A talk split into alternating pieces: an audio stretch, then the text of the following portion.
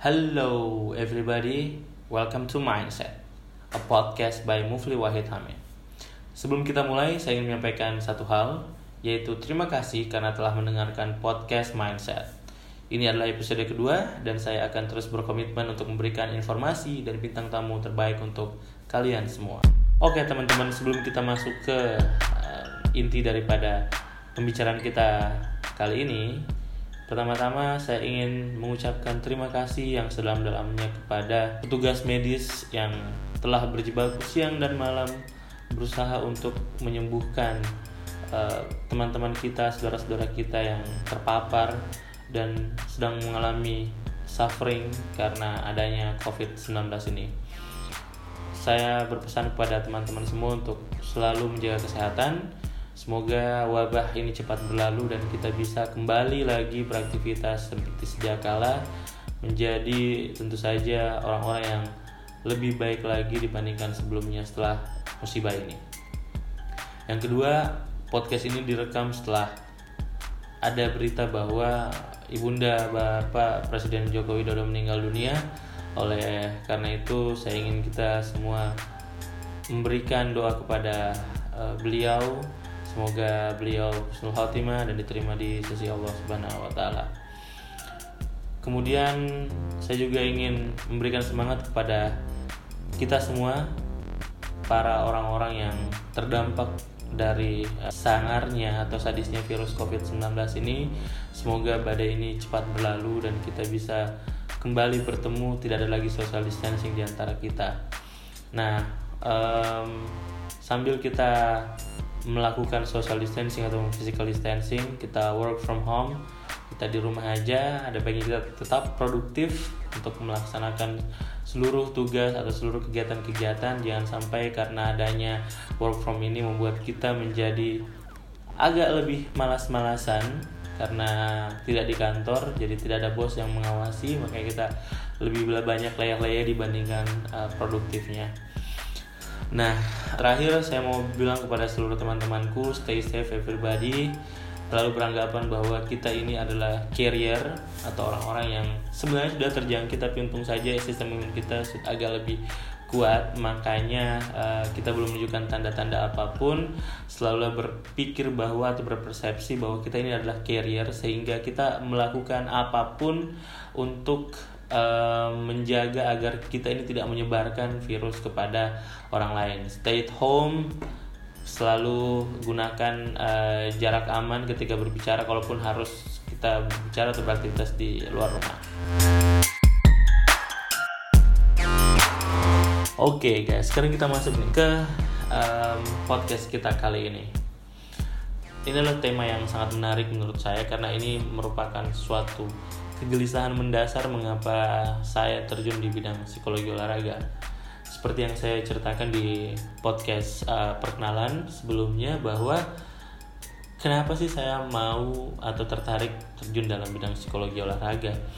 Meski saya tahu bahwa hal ini merupakan suatu hal yang sangat baru dan tidak terlalu banyak memiliki peminat mungkin atau mungkin saja banyak peminatnya tapi tidak kita tidak dikumpulkan dalam satu wadah akhirnya kita tidak saling mengetahui satu sama lain terlepas daripada kurangnya penelitian-penelitian yang dilakukan di Indonesia akan hal ini kita harus uh, banyak baca atau berkiblat ke uh, luar negeri atau barat misalnya untuk masalah perkembangan psikologi olahraga ini. Nah, cerita yang saya kemarin angkat ketika di podcast perkenalan itu adalah ketika saya um, ke Jogja waktu itu untuk menonton sebuah pertandingan. Kebetulan lagi di Jogja saya ada kesempatan untuk uh, nonton pertandingan tenis pada saat itu di UGM nah um, pada satu pertandingan yang sangat seru menurut saya uh, kemudian salah satu atlet kalah um, kemudian kebetulan saya berada di tepat di samping pelatih dan orang tua ternyata orang tua si atlet yang kalah tersebut. Nah mereka ngobrol lah tuh untuk melakukan evaluasi terhadap permainan si atlet ini. Si bapaknya bilang bahwa wah uh, anak saya tadi kenapa? Padahal stroke-nya sudah bagus forehand backhandnya sudah lumayan service-nya juga sangat solid. Kenapa? Apa yang kurang? Nah kemudian pelatihnya ngomong seperti ini anak bapak itu mentalnya jelek pak. Nggak bisa dia berprestasi kalau mentalnya ya masih segitu-segitu aja. Nah itu kemudian pernyataan yang membuat saya berpikir maksudnya mental apa ya? Maksudnya mental jelek apa gitu? Saya tidak mengerti pernyataan daripada uh, pelatih tersebut. Tapi orang tuanya ya mengiyakan apa yang dilakukan pelatihnya. Nah banyak di banyak kesempatan juga saya menemukan beberapa atlet yang mengaku bahwa saya ini mentalnya jelek kak atau pelatih orang tua yang mengatakan kalau mental anak saya atau uh, anak saya ini belum terlalu bagus. Jadi dia belum bisa berprestasi dengan baik. Jadi mungkin harus nunggu beberapa tahun lagi sampai mentalnya bagus baru dia bisa berprestasi. Nah saya kemudian semakin berpikir keras kenapa orang-orang selalu menyalahkan mental dalam tanda kutip yang yang bermasalah ketika misalnya dia tidak memperlihatkan performa terbaiknya atau dia tidak berada pada peak performance-nya. Kenapa ya? Nah, pertanyaan itu selalu terulang, terulang, terulang apalagi ketika misalnya saya sudah datang atau mengunjungi satu pertandingan, kemudian ada case-case di mana pelatih ataupun penonton mengatakan mentalnya jelek dan lain-lain itu membuat saya semakin bertanya apa sih maksudnya? Kenapa sih orang dikatakan mentalnya jelek? Atau perilaku apa yang membuat kita berpikir bahwa mentalnya anak ini jelek? Gitu. Nah uh, sampai kemudian saya berpikir kenapa kita atau kebanyakan orang menyalahkan mental ini dibanding fisik dan teknik sedangkan pada latihannya mereka tidak dilengkapi dengan pelatih mental seperti misalnya mereka melengkapi dirinya atau atletnya dengan pelatih fisik atau pelatih teknik. Kenapa kedua hal ini dipenuhi? Atau kenapa kemudian pertanyaannya adalah kenapa um, pelatih mental tidak disediakan tapi ketika pemain atau atlet tersebut kalah, yang selalu menjadi kambing hitam adalah mentalnya. Itu adalah pertanyaan yang dari dulu saya sering tanyakan kepada banyak orang.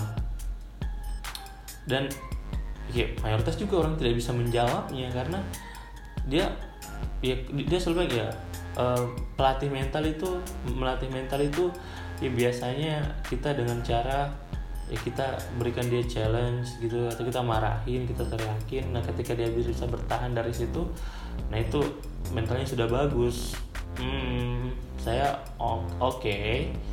mungkin saja benar mungkin saja benar. Karena saya tidak tahu mungkin saya benar. Saya langsung ter terbersit di pikiran saya ini kayak pengkaderan anak-anak SMP ingat gak sih teman-teman waktu kita SMP gitu? Terus ada kakak kelas kita SMP SMA ya. Kita ada kak kelas kita yang masuk ke kelas dengan uh, nendang pintu duduk di atas meja marah-marah buat teman-teman kita yang cewek-cewek nangis gitu. Katanya ini adalah bagian daripada pelatihan mental. Really? Itu kalau teman-teman bisa ngeliat ekspresi muka saya gitu kayak really? Apakah itu benar-benar bisa melatih? Apakah itu ide tersebut juga bisa kita terapkan gitu? Apakah ide ini betul-betul bagus digunakan untuk meningkatkan mental kita. Oh, apakah memarahi orang itu bisa meningkatkan kapasitas mentalnya? Ataukah kemudian seberapa bagus ke ide itu akhirnya bisa diadopsi ke dalam bagaimana kita mendidik atlet? Nah ya kan? Nah itu yang selalu menjadi pertanyaan saya.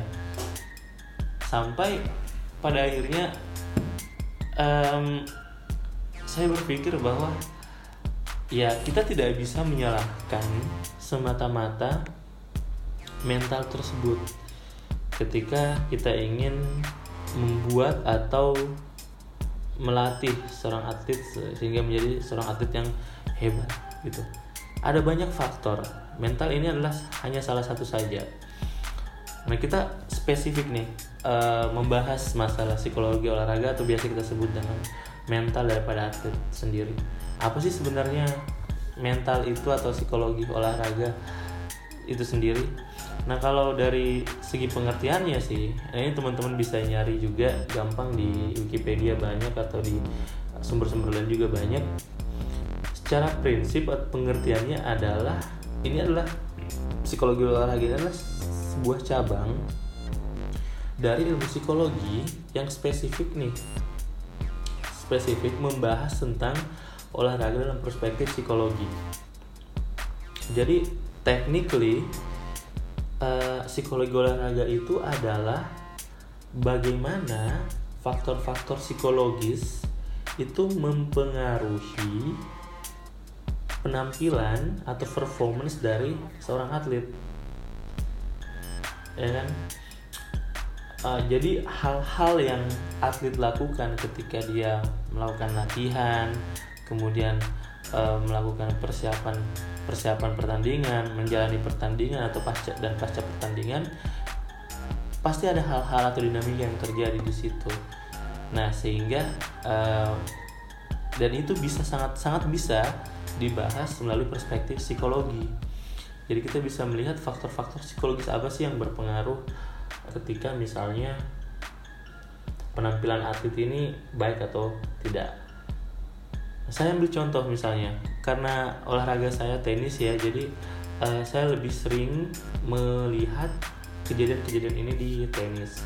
Misalnya uh, ketika dalam satu permainan kemudian salah satu atlet terlihat sangat marah frustasi dan menunjukkan perilakunya perilaku dari uh, frustasi tersebut dengan mematahkan raket misalnya.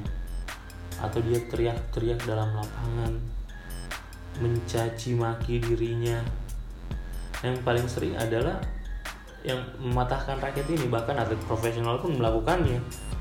Djokovic melakukannya. Um, siapa lagi ya? Si Serena Williams melakukannya. Kyrgios melakukannya. Hampir semua hanya beberapa atlet yang tidak pernah melakukannya saya betul-betul respect sama dia seperti Rafael Nadal saya tidak pernah melihat Rafael Nadal mematahkan raket. Federer sekarang juga sudah tidak pernah beberapa tahun terakhir sudah sudah sudah tidak pernah lagi mematahkan raketnya. Nah hanya dua orang itu sih yang menurut saya paling tidak pernah melakukan e, menunjukkan frustasi mereka dengan cara mematahkan raketnya. Nah apakah kita bisa bilang bahwa orang-orang yang tidak menunjukkan frustasinya itu dengan cara mematahkan raket adalah orang yang memiliki mental yang bagus ataukah dengan cara mematahkan raket ini sebagai bentuk daripada frustasi menandakan bahwa seseorang tidak memiliki mental yang bagus? Hmm, mungkin saja mungkin saja. Itu bisa menjadi salah satu kategori kenapa kita bisa mengatakan bahwa seseorang ini memiliki mental yang bagus atau tidak. Karena ini adalah frustasi itu kan termasuk dalam faktor-faktor psikologis. Nah kita bisa membaca gestur orang tersebut.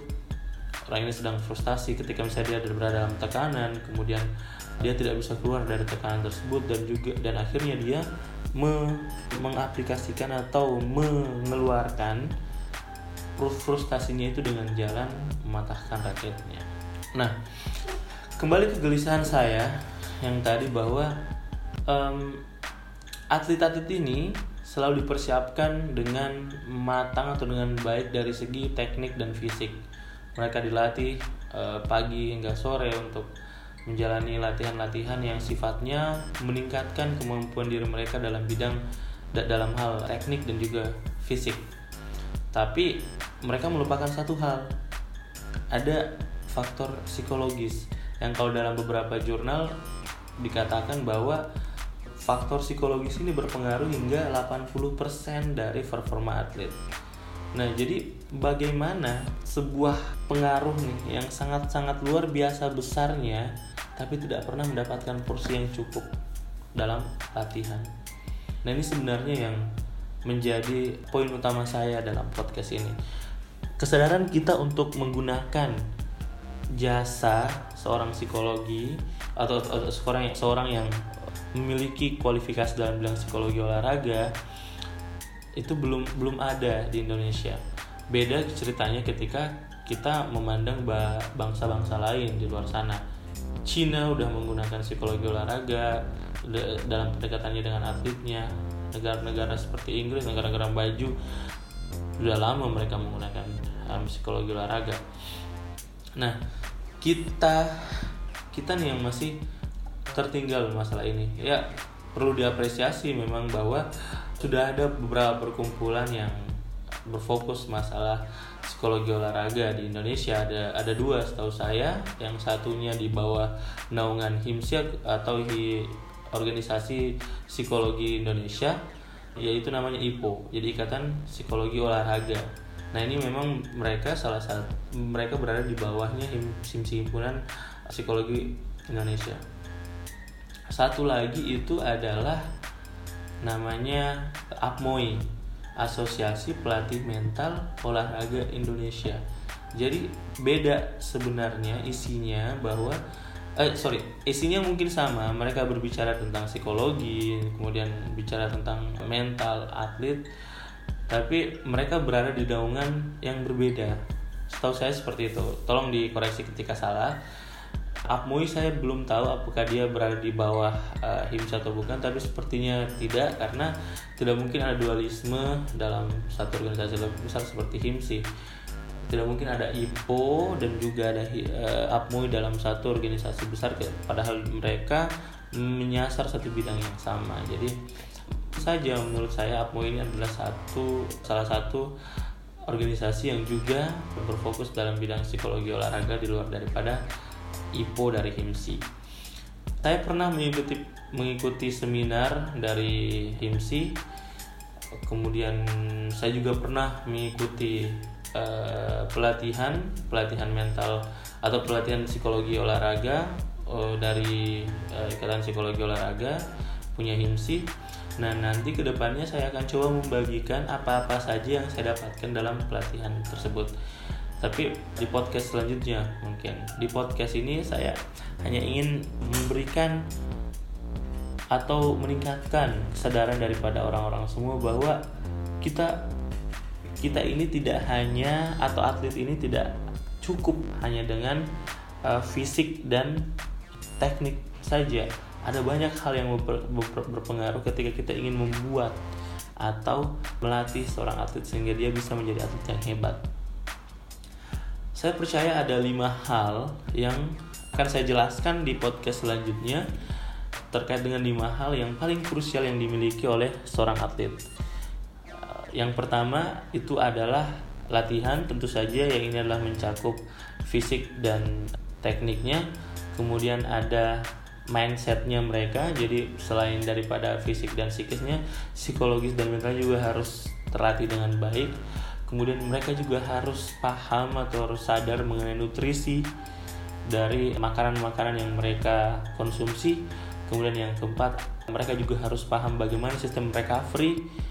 Ketika misalnya bertanding atau latihan latihan-latihan apa saja yang mereka harus jalankan sebelum pertandingan kemudian recovery yang seperti apa yang bisa membuat mereka bisa fit 100% ketika sudah melakukan pertandingan yang berat untuk persiapan pertandingan selanjutnya dan yang terakhir adalah sleep atau tidur uh, mereka kita harus punya cukup waktu tidur untuk bisa menjadi uh, untuk bisa melakukan hal-hal yang produktif keesokan harinya. Nah, kelima hal inilah yang saya percayai sangat-sangat harus kita uh, pikirkan ketika kita ingin membuat atau melatih atlet menjadi menjadi seorang atlet profesional atlet profesional yang luar biasa. Nah, tapi saya akan bahas ini kelima hal ini dengan dengan beberapa atlet atau beberapa pembicara yang nanti kita akan coba gali dari segi kelima hal tersebut bagaimana mereka menerapkannya dan sejauh mana hal-hal tersebut bisa mengangkat atau membawa mereka dalam hal prestasi. Nah, sekarang kita kembali ke masalah awareness tentang psikologi olahraga. Jadi sangat sedikit sebenarnya informasi-informasi ketika kita mencoba cari tentang psikologi olahraga di Indonesia perkembangannya masih sangat-sangat minim bahkan sorry to say bahwa sepertinya orang-orang yang berada di uh, yang punya background um, olahraga itu lebih gencar lebih gencar untuk mencari informasi tentang psikologi olahraga dibandingkan anak psikologi itu sendiri. Padahal seharusnya psikologi olahraga ini adalah cabang daripada psikologi. Harusnya yang paling proaktif mencari adalah anak-anak psikologi sendiri, tapi mungkin ke apa ya? Psikologi olahraga tidak terlalu menarik buat anak-anak psikologi di Indonesia karena mungkin saja lahannya tidak sebasah. Bahasanya lahannya tidak sebasah ketika kita berbicara tentang psikologi industri dan organisasi. Mungkin saya seperti itu pertimbangannya hmm, mungkin saya pertimbangan pertamanya ke situ. Minatnya orang menjadi rendah karena dia tidak bisa melihat dia akan menjadi sesuatu ketika dia masuk di bidang psikologi olahraga dan which is true karena saya juga merasakan hal seperti itu. Tapi ini adalah menurut saya secara pribadi adalah panggilan jiwa ketika kita berbicara tentang psikologi olahraga. Nah, hal-hal yang terkait dengan psikologis atlet seharusnya itu bisa dijelaskan oleh orang yang expert dalam bidang psikologi olahraga dan harusnya dia berkonsultasi pelatih juga itu berkonsultasi ke expert tersebut. Nah, masalahnya sekarang di Indonesia kita selalu mengharapkan pelatih ini untuk bisa komplit. Dia harus bisa menguasai teknik dia juga harus bisa menguasai uh, kemampuan menciptakan fisik atlet dengan baik dan juga dia harus bisa menjadi seorang pelatih mental yang baik. Tidak apa-apa sebenarnya untuk untuk untuk uh, pelatih karena itu bisa meningkatkan kemampuan dirinya mereka tapi saya rasa susah ketika kita harus memaksakan seseorang memiliki seluruh kemampuan tersebut saya rasa mustahil begitu ketika seluruh satu orang ini kita paksakan atau kita minta untuk memahami begitu banyak detail-detail yang terkait dengan uh, teknik, fisik, juga sekarang psikologis. Jadi memang kita harus bekerja sama. Pelatih ini dalam menangani atlet mereka tidak boleh sendirian, harus kita bantu dengan dengan ilmu-ilmu yang telah kita pelajari di psikologi. Misalnya seperti ini ada atlet yang ketika dia ingin bertanding dia selalu berkeringat tidak tenang selalu keluar masuk WC nah kita bisa menjelaskan ini melalui kacamata psikologi dan bisa mengkategorisasikannya dengan dalam keadaan kecemasan. Ada anxiety pre-matchnya. Sebelum pertandingannya dia menunjukkan gejala-gejala yang mirip dengan gejala-gejala kecemasan sebelum bertanding Nah, ada beberapa teknik yang diajarkan psikologi dalam menyelesaikan atau mengurangi intensitas kecemasan tersebut.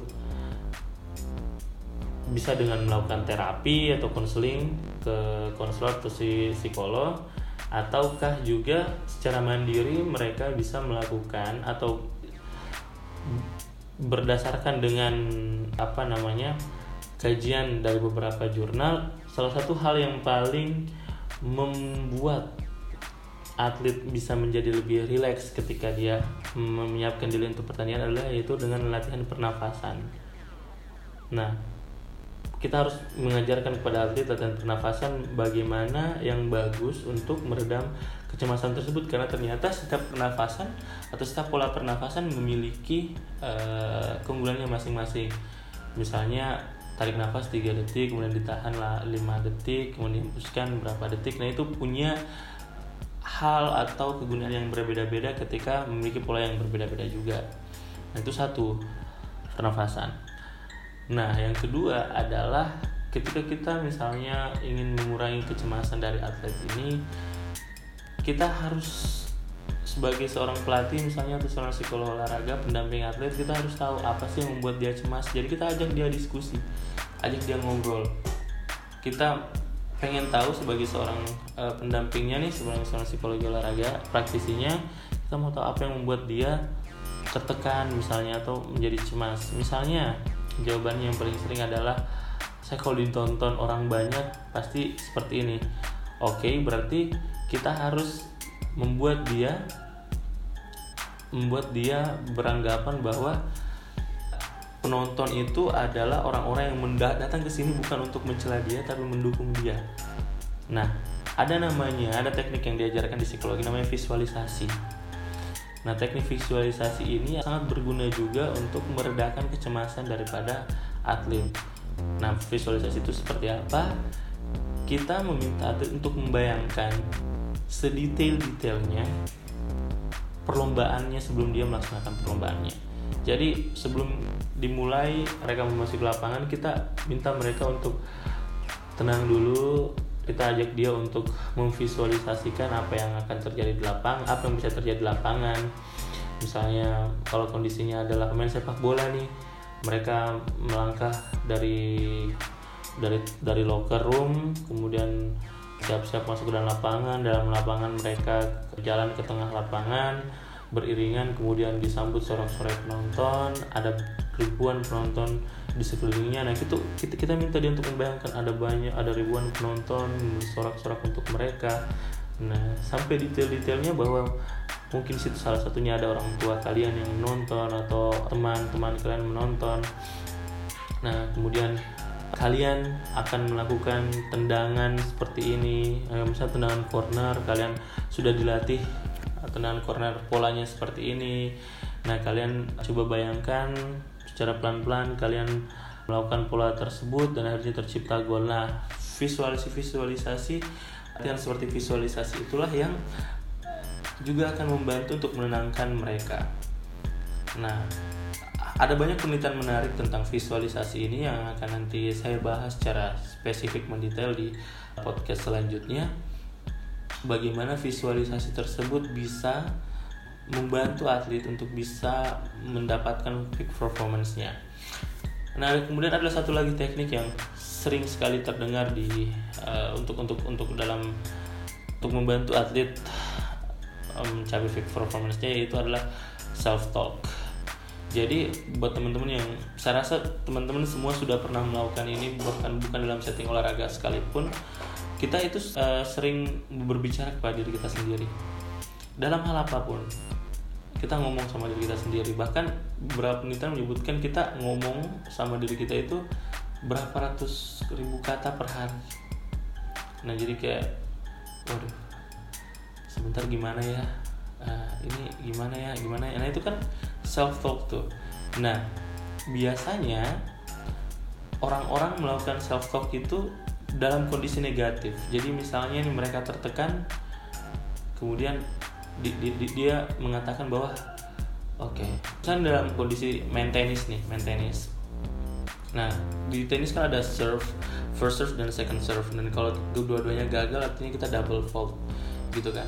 Nah misalnya di first serve-nya tidak masuk Nah di second serve-nya itu sebelum dia melakukan serve dia ngomong nih jangan nyangkut, jangan nyangkut ya, jangan nyangkut. Nah itu melakukan self talk tapi dengan cara negatif.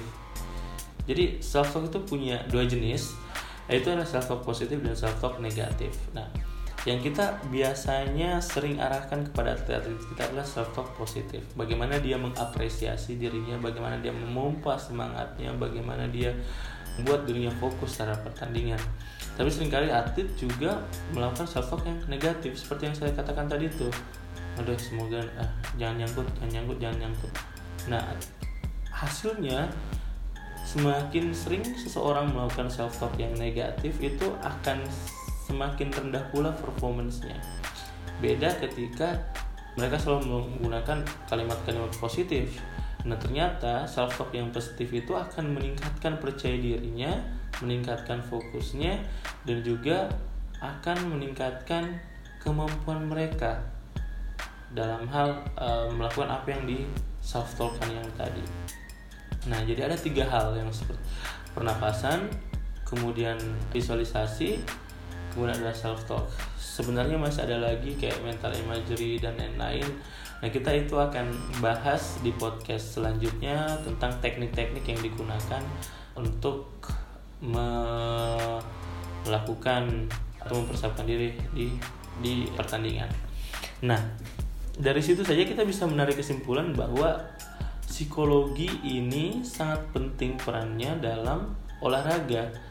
ketika kita melakukan latihan, persiapan pertandingan, pertandingan dan pasca pertandingan, psikologi ini sangat berperan bagaimana kita bisa meningkatkan percaya diri kita, meningkatkan kemampuan diri kita, ketenangan kita. Nah, inilah yang yang selalu saya katakan bahwa kita ini bukan hanya membutuhkan pelatih fisik dan pelatih um, teknik, kita juga membutuhkan orang-orang yang expert dalam bidang psikologi sehingga ketika misalnya ada hal-hal yang terjadi di lapangan yang kita tidak bisa jelaskan dalam dalam perspektif olahraga Nah, itu kita bisa bantu dengan menjelaskannya dalam perspektif atau kita menggunakan pendekatan psikologi. Oke, teman-teman semuanya, saya rasa itu yang penting untuk cara hari ini. Jadi, saya akan berusaha untuk membuat beberapa hal lagi ke depannya. Kita akan bertemu lagi. Saya Mufli, sampai ketemu di sesi mindset selanjutnya. Bye.